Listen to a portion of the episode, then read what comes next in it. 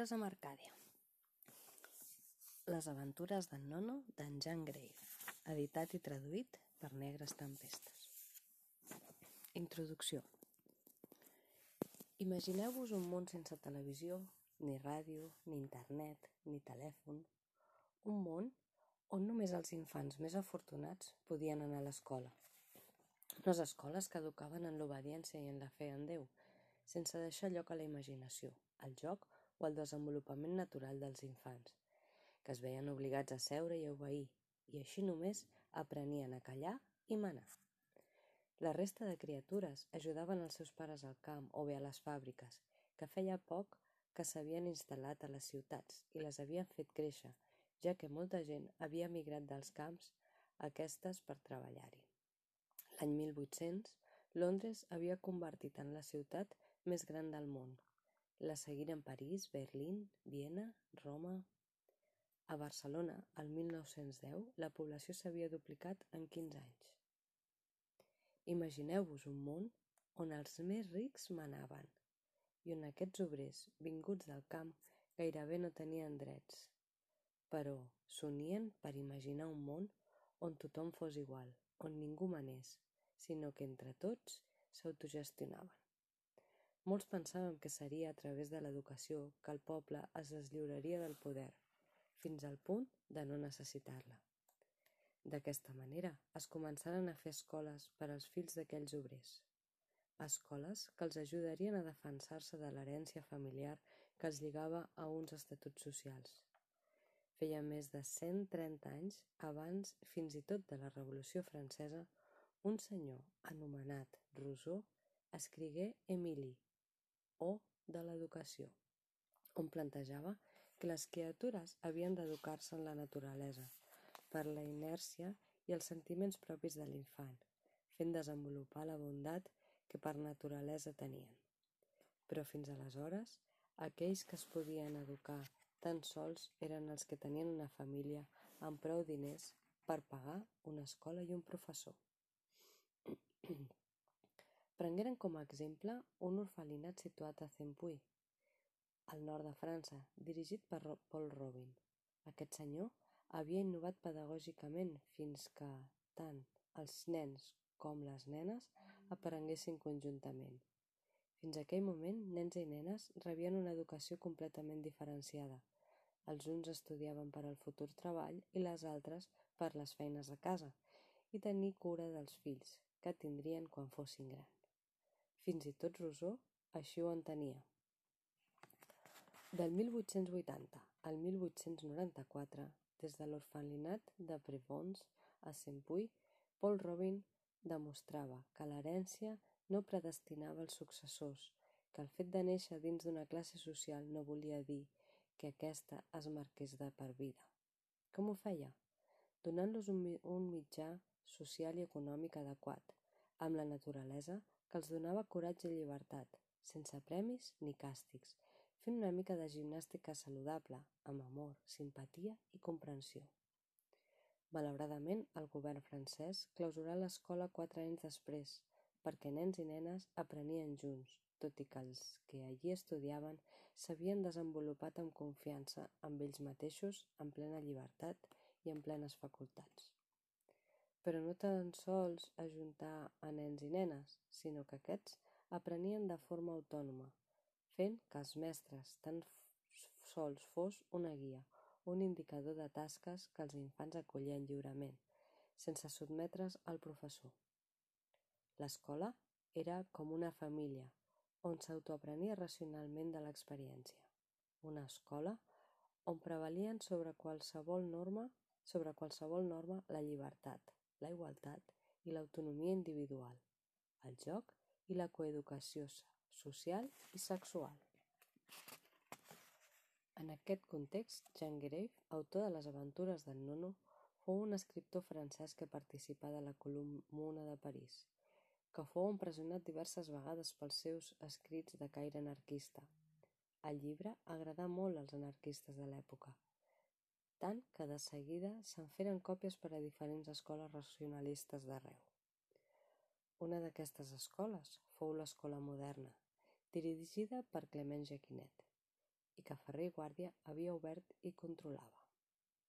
A l'escola, que van obrir al carrer Bailèn de Barcelona, tenien moltíssims materials a la lliure disposició dels seus alumnes, materials tals com aliments, minerals i, i elements industrials, làmines de filosofia, de fisiologia vegetal i animal, estris de botànica, laboratori, gabinet de física i fins i tot una sala de projeccions amb la seva màquina per projectar cine, que tan sols feia 20 anys que s'havia inventat i encara eren molt escasses en la societat barcelonina.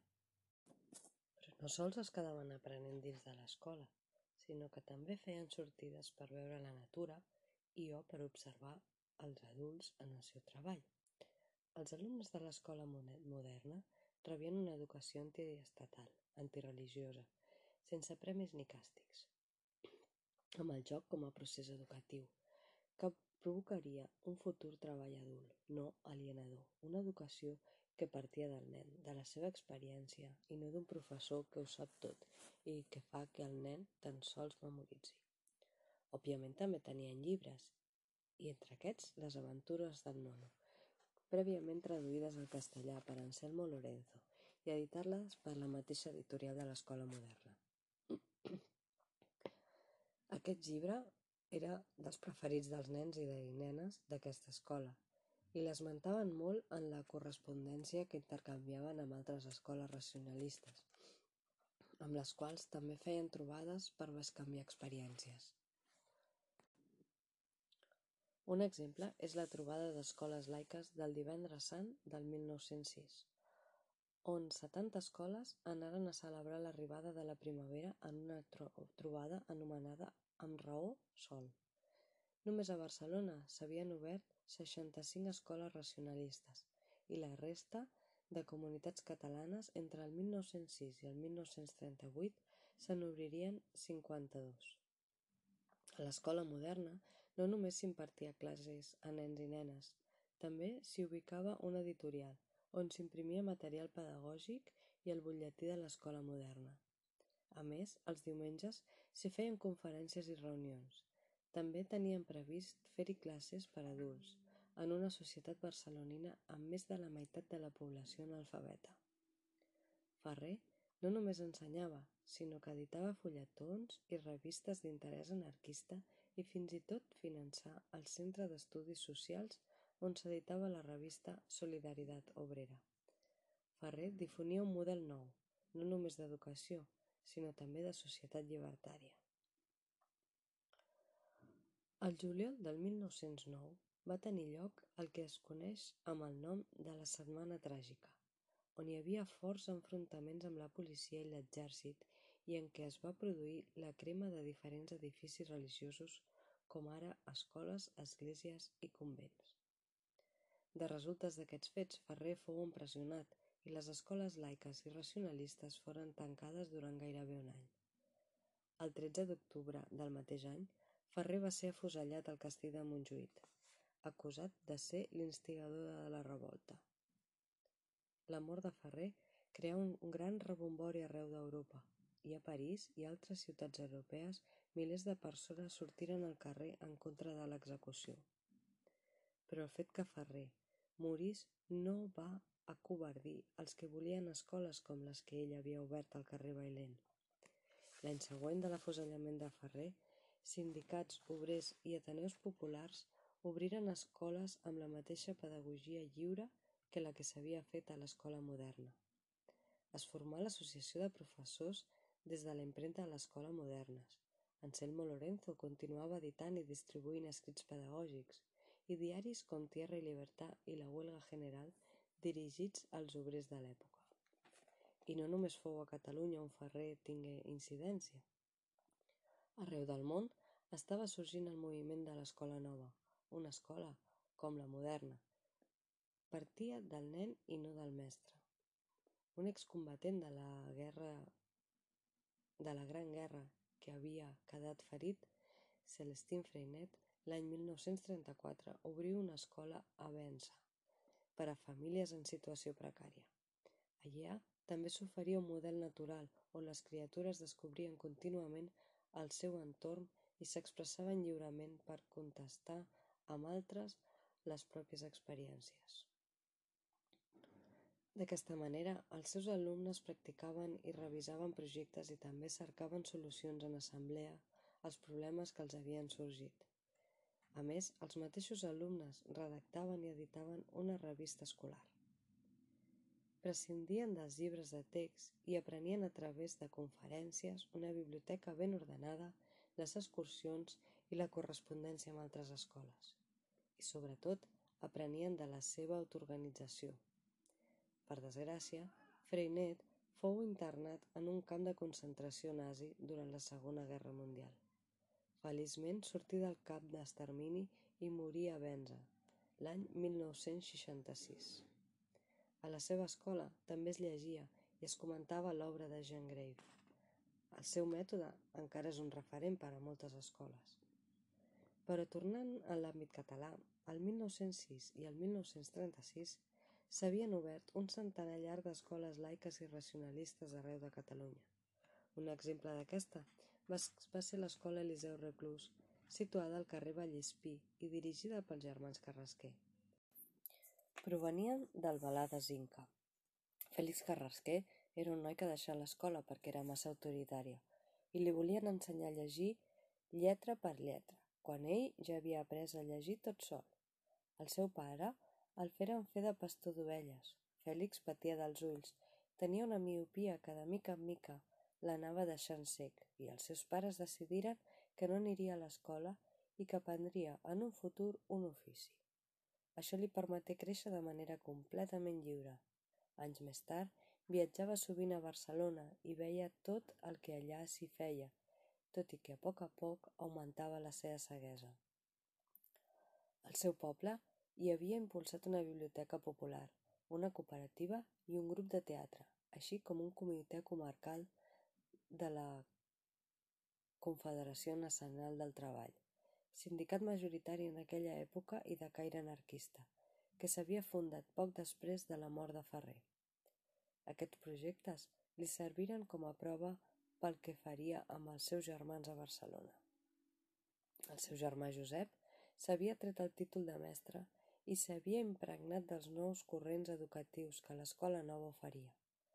Ensenyar a Fèlix el mètode de John Dewey, on els infants treballaven com els adults fabricant els estris de l'escola, com ara cadires, taules, parets i altres. Havia descobert el mètode a partir de projectes de William Hurt Kilpatrick, la impremta escolar i el text lliure de Freinet, i els dos volien dur tot a la pràctica a Barcelona. D'aquesta manera, anaren a l'Ateneu Llibertari de les Corts a demanar si els deixaven fer una escola, i aquesta, l'any 1934, s'obria al carrer Vallespir, el número 184.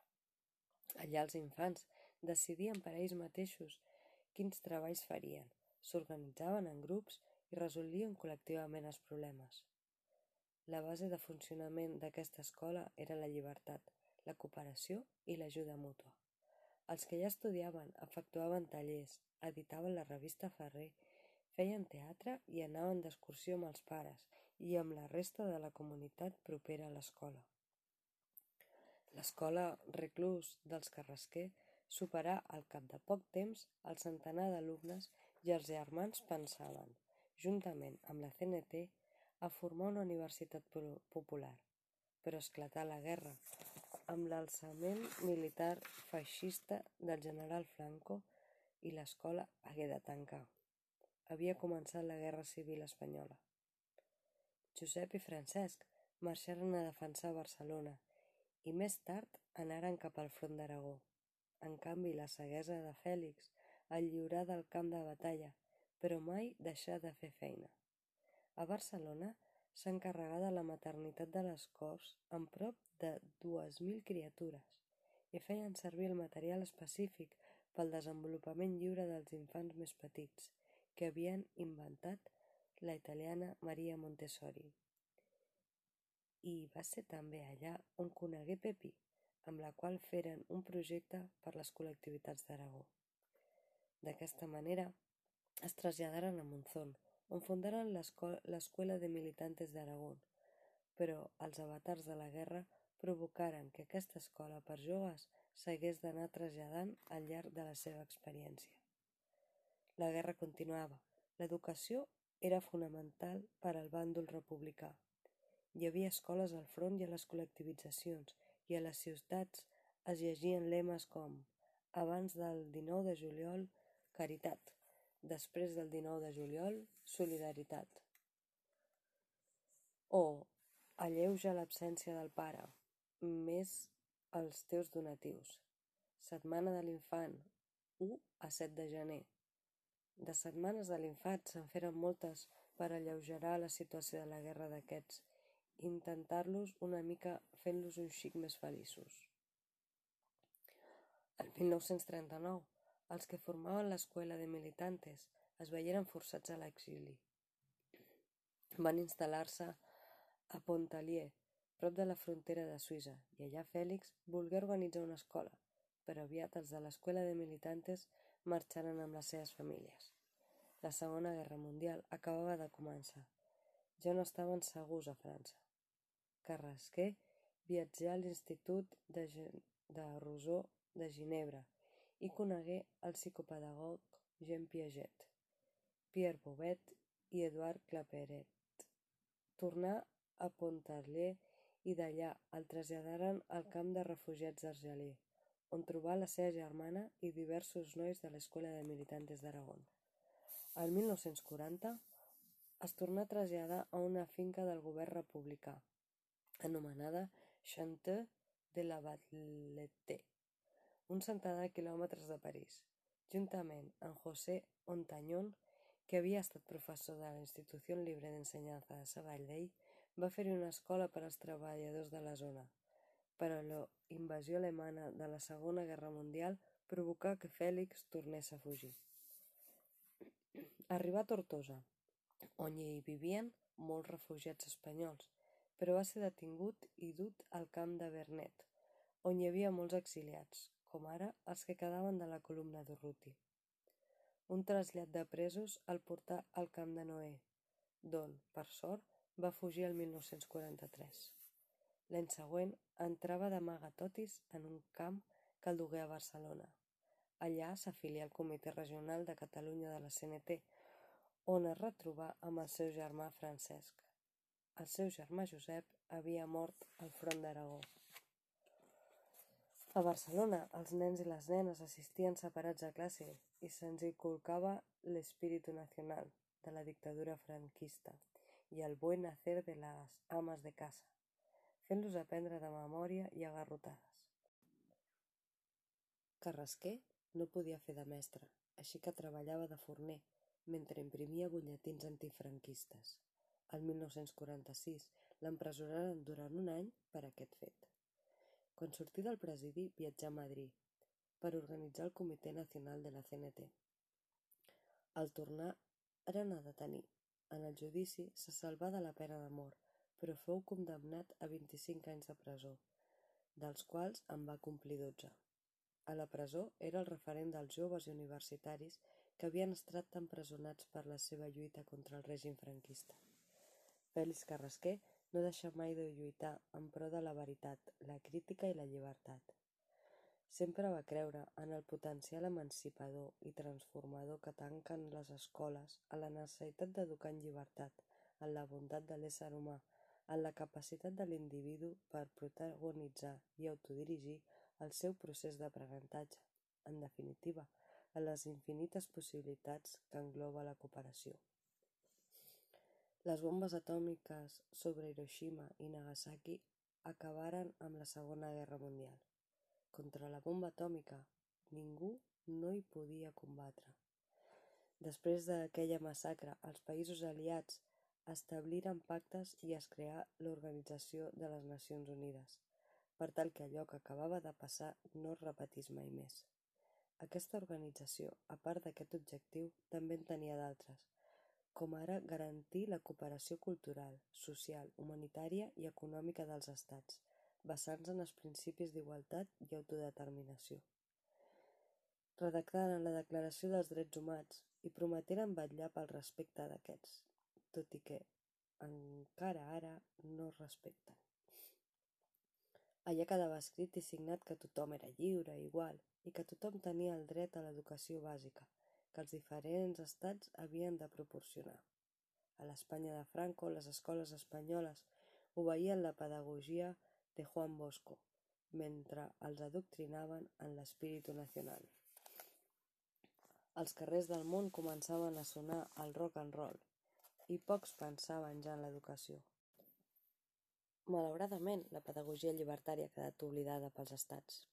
Els diferents països han agafat el que més els agrada la pedagogia racionalista i han aplicat les seves tècniques en comptagotes dins dels grups classe que es formaven. L'educació s'ha compartimentat en cicles i cursos que els estudiants han d'anar superant a les ordres del mestre. L'escola s'ha convertit en obligatòria i fins i tot per a aquells als qui no els agrada. I han sortit detractors d'aquesta, d'aquells que pensen que l'escola només reprodueix la societat en la qual està. Ara mateix Catalunya hi ha petits grups de criança compartida fins als 6 anys, però no hi ha escoles lliures, ja que la llei obliga a anar a l'escola a partir d'aquesta edat. A l'estat espanyol hi ha l'escola Paideia, a Mèrida, una escola lliure que comprèn gairebé tota l'etapa en què s'ha d'estar escolaritzat. Fa 25 anys que funciona i els seus estudiants han d'acabar la formació en una escola estatal per tant d'aconseguir el títol de batxillerat. Allà hi publiquen la revista A Ratxes i dins de la seva biblioteca hi ha, entre altres llibres, el llibre que teniu entre les mans. Aquests són els valors, les esperances, la repressió i les ensenyances que han envoltat i envolten les escoles llibertàries. Escoles on eren llegides i encara es llegeixen les aventures de Nono, una autèntica aventura que ens ensenya a valorar la importància de la solidaritat, de la cooperació, del respecte i de la igualtat. Valors tan vàlids l'any 1901, quan es va publicar l'original en francès, com ara, el 1909, quan publiquem aquesta primera edició traduïda al català, que esperem que gaudiu i com ho han fet tants altres nens i nenes abans. També hem volgut traduir els textos que escrigueren Francesc Ferrer i Guàrdia i Anselmo Lorenzo per l'edició en castellà, perquè d'aquesta manera que llegeixi aquesta edició vegi clarament quina era la intenció dels pedagogs de l'escola moderna. Esperem que Ferrer i Guàrdia ens perdoni pel nostre provincialisme i per no voler caure en nacionalismes excloents que menys tenen llengües i cultures només i pel fet de ser minoritàries. Col·lectiu Negres Tempestes, Barcelona, agost del mil nou-cents nou.